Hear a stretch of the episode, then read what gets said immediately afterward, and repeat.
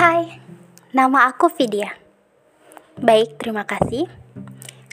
Kali ini aku mau membahas topik yang bisa dibilang udah sering kalian dengar di podcast-podcast orang lain, bahkan di quotes-quotes di puisi orang lain. Dan juga aku kali ini mau membahas hal yang sama. Gini sesuai dengan subjek judul yang udah aku tulis di podcast kali ini, aku mau mengatakan bahwa orang-orang yang udah pernah jatuh berkali-kali cenderung memiliki ketakutan tersendiri yang sampai saat ini masih menjadi momok yang menakutkan bagi mereka sendiri. Iya, katakanlah mereka trauma. Tapi bukan berarti mereka bertahan di zona ketakutan itu. Mereka udah beberapa kali untuk untuk melangkah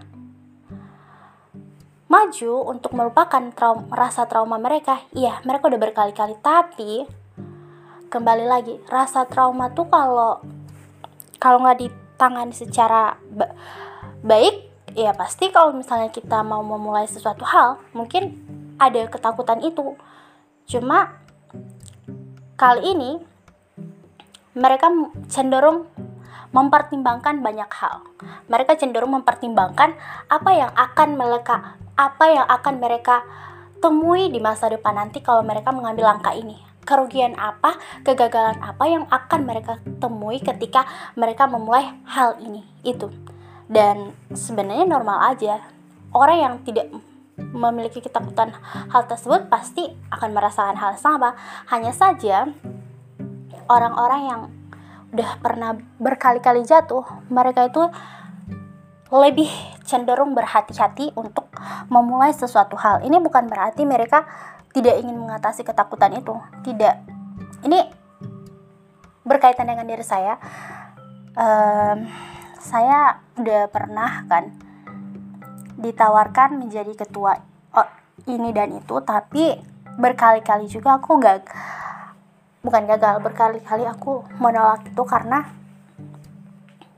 butuh pertimbangan yang banyak untuk menerima tawaran itu buat aku. Karena ya which is keadaan yang dulu sama yang sekarang emang udah berbeda. Aku yang sekarang jauh lebih berani hanya saja untuk melangkah lebih maju untuk melangkah menghadapi ketakutan itu masih perlahan-lahan jadi pada intinya it's okay.